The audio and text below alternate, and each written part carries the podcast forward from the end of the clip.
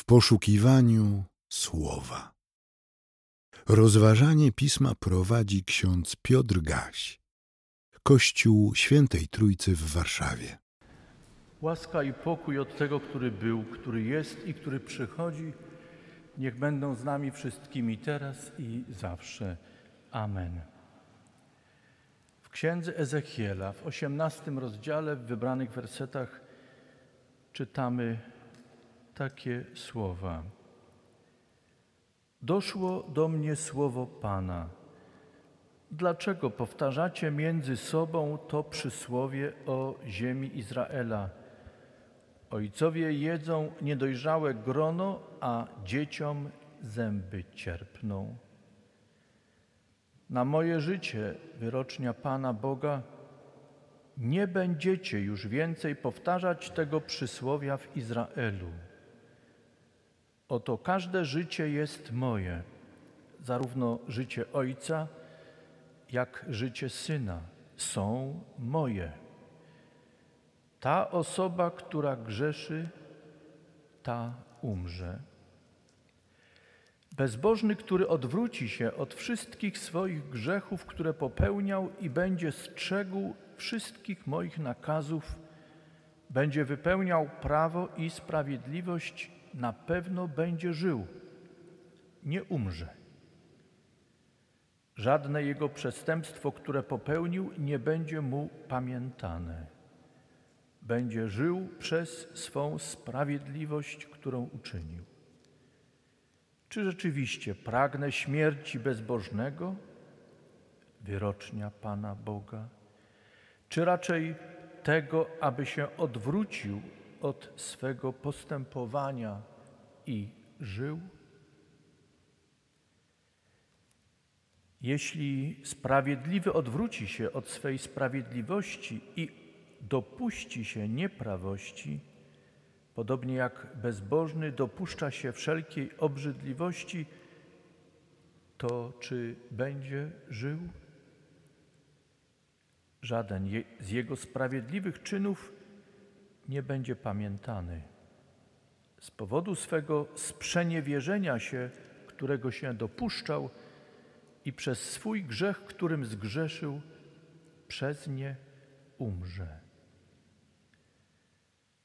Dlatego każdego z Was, domu Izraela, osądzę według jego postępowania, wyrocznia Pana Boga. Powróćcie, odwróćcie się od wszystkich Waszych przestępstw. Niech nie będą dla Was okazją do grzechu. Odrzućcie od siebie wszystkie Wasze przestępstwa, którymi buntowaliście się i uczyńcie sobie nowe serce i nowego ducha. Dlaczego macie umierać, domu Izraela? Nie pragnę bowiem śmierci tego, który umiera, wyrocznia Pana Boga. Nawróćcie się, abyście żyli. Boże to słowo twarde, jasne, mocne. Stajemy przed Tobą, Ty znasz każdą i każdego z nas. Wiesz, w którym miejscu jesteśmy, czego nam potrzeba. Mów do nas. Pomóż słuchać i słyszeć. Pomóż nam przyjmować i pomóż nam odpowiedzieć na Twoje słowo. Amen.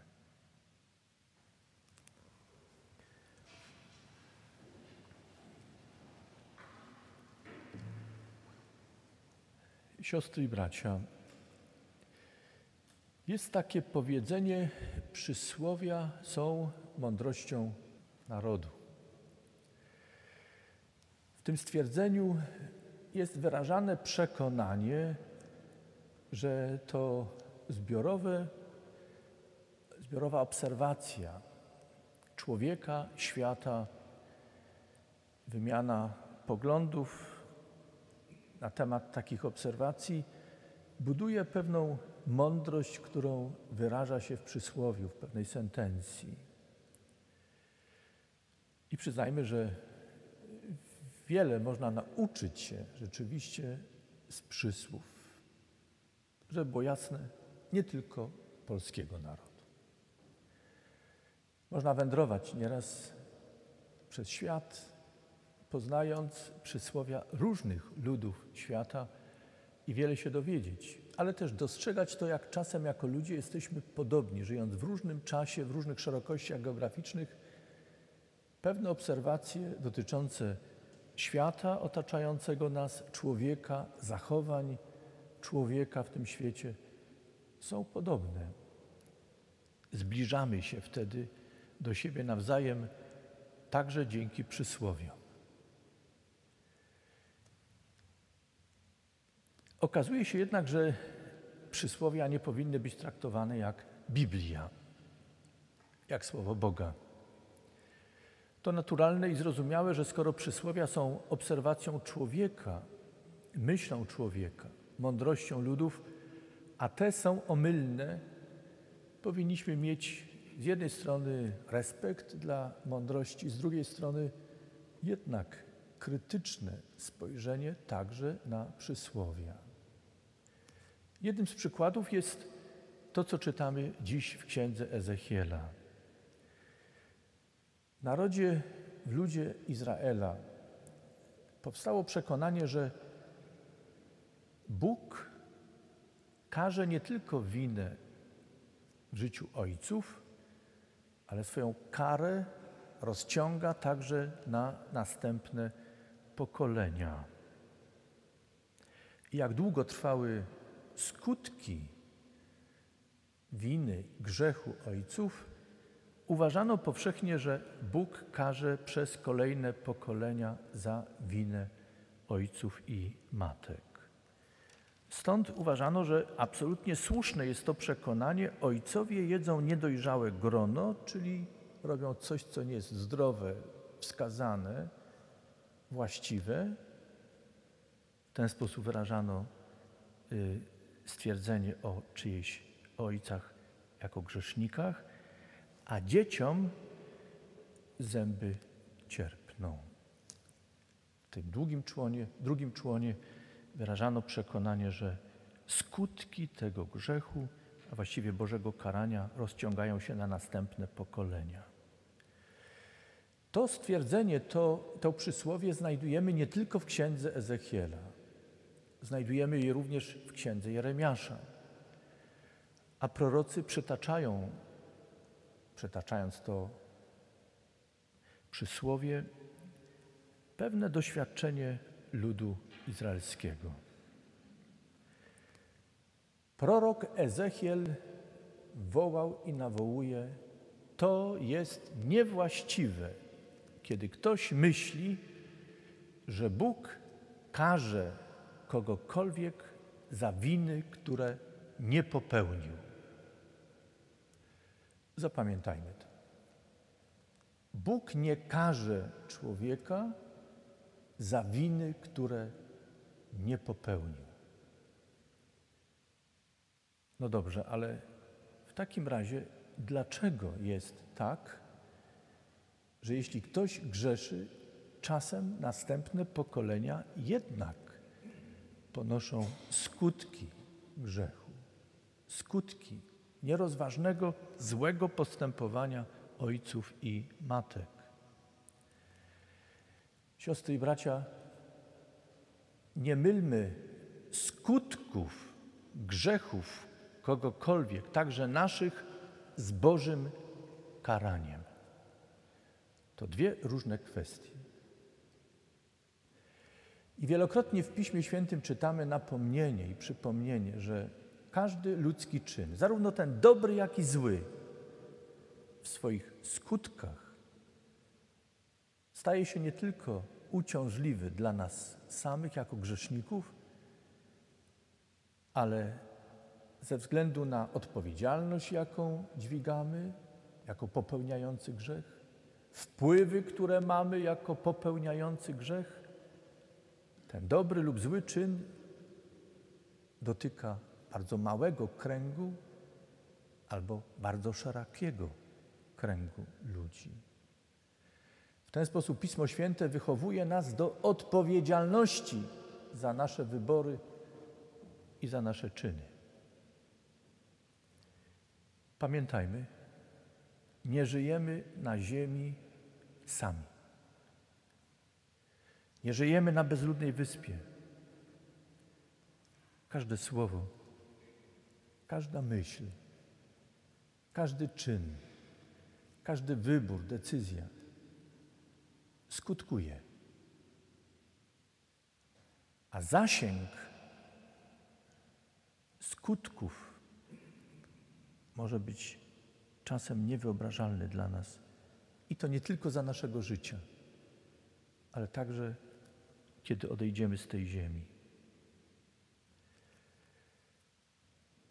Bóg nie zwalnia nas z odpowiedzialności za własne czyny. Musimy ponosić skutki. Tak jak w rodzinie nie jesteśmy w stanie uchronić dziecka przed skutkami głupoty, tak jak dzieci nie są w stanie uchronić siebie samych rodziców przed głupotą rodziców, musimy ponosić skutki swoich czynów. Tak jest i w relacji z Bogiem. Ale pamiętajmy jednocześnie, Bóg nie każe płacić i nie każe człowieka za nie swoje czyny. My, ludzie, zmuszamy innych do ponoszenia skutków naszych czynów. Może to trudne, może kontrowersyjne. Pomyślmy o tym. Dzisiejsze słowo proroctwa stawia sprawę jednoznacznie. Grzeszysz, poniesiesz tego konsekwencje. Nie tylko w tym świecie. Ale grzech ma także skutki przed Bogiem, w relacji z Bogiem, to znaczy wieczności. Kto grzeszy i nie odwraca się od swego grzechu, nie tylko ściąga coś trudnego i złego w skutkach swojego działania na drugiego człowieka, ale staje także przed Bogiem i musi ponieść skutki swego grzechu. Tak mówi Bóg. Ale Bóg też mówi, nie mam upodobania w śmierci grzesznika. Nie chcę śmierci grzesznika. Po co masz umierać? Bóg tego nie chce. Mówiąc o Twoim i moim grzechu, nie straszy, nie grozi. Tak jak my to czasem próbujemy robić poprzez zastraszenie kogoś. Bóg nie zmusza do niczego. Bóg stawia nas przed faktami, jak mądry nauczyciel, lekarz, naukowiec, który znając fakty, otwiera nam oczy i chce nas uczynić świadomymi, jakie mamy możliwości w życiu. Możesz żyć odwracając się od swego grzechu, wyznając go przed Bogiem idąc za Bogiem według Jego wskazań. Tego chce dla Ciebie Bóg. Jeśli tego nie chcesz, żyjesz w grzechu. Każdy, kto nie miłuje Boga z całego serca, myśli, duszy, siły swojej i nie miłuje bliźniego swego jak siebie samego, grzeszy, bo nie żyje wedle Bożych wskazań. A skutkiem grzechu jest śmierć wieczna. Tak mówi Pan. Jeśli nie wybieramy życia, wybieramy śmierć. Trudne. Trudne z tego powodu, że jest tak radykalne.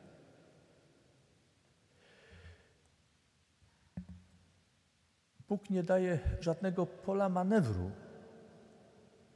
żadnego pola do kompromisu.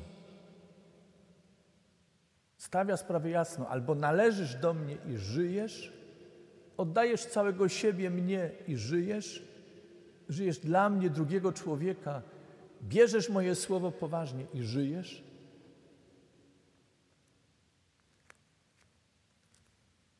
albo odrzucasz to, a skutkiem tego jest nie tylko wiele trudnych sytuacji w tym życiu doczesnym, ale także śmierć wieczna.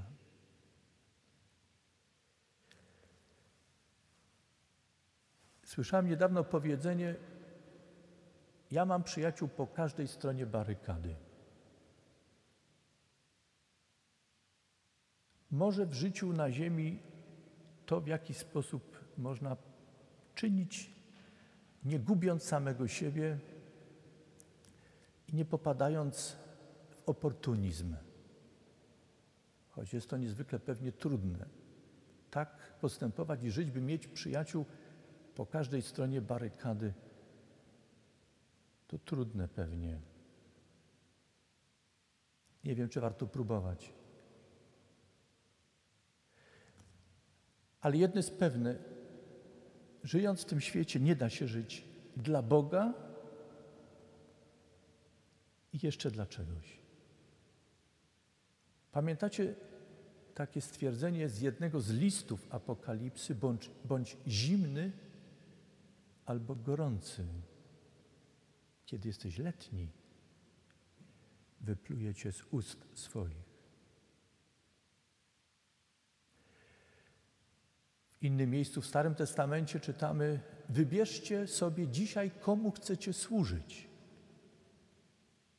Bogu czy też komuś innemu.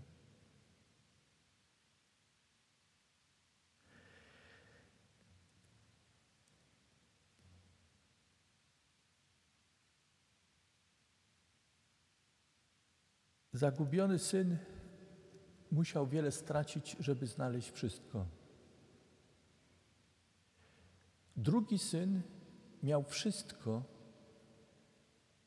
a jednak nie potrafił się cieszyć i dostrzec to, że być blisko Ojca to jest szczęście. Taką sytuację mamy w dzisiejszej przypowieści.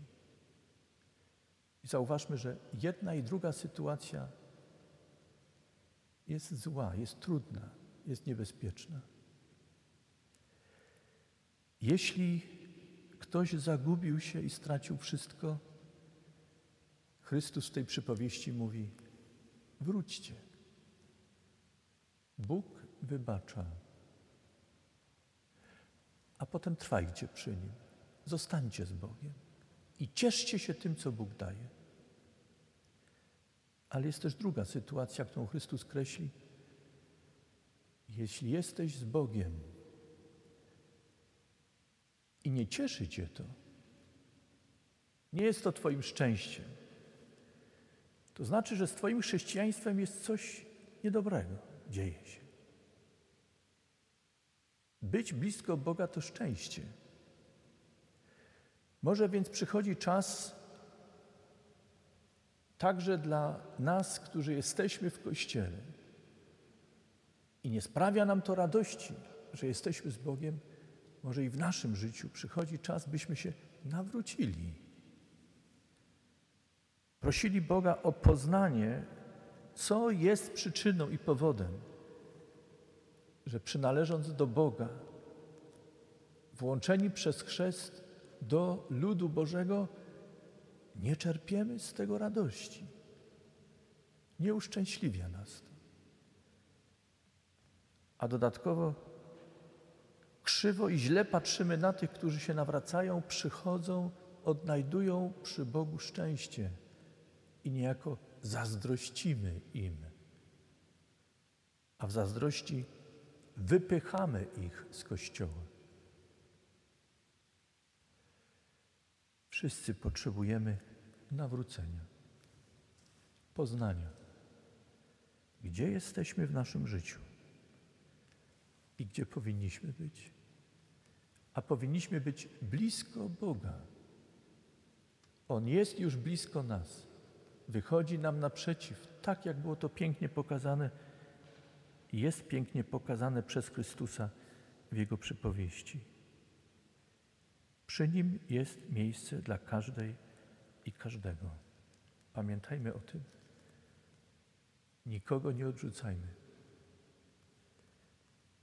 Jeśli Bóg przyjmuje, dlaczego my nie mielibyśmy przyjąć? Nawróćmy się, abyśmy nie musieli płacić za swój grzech. Bóg nie ma upodobania w mojej i Twojej śmierci. Chce mojego i Twojego życia. Amen. Przyjmijcie życzenie pokoju.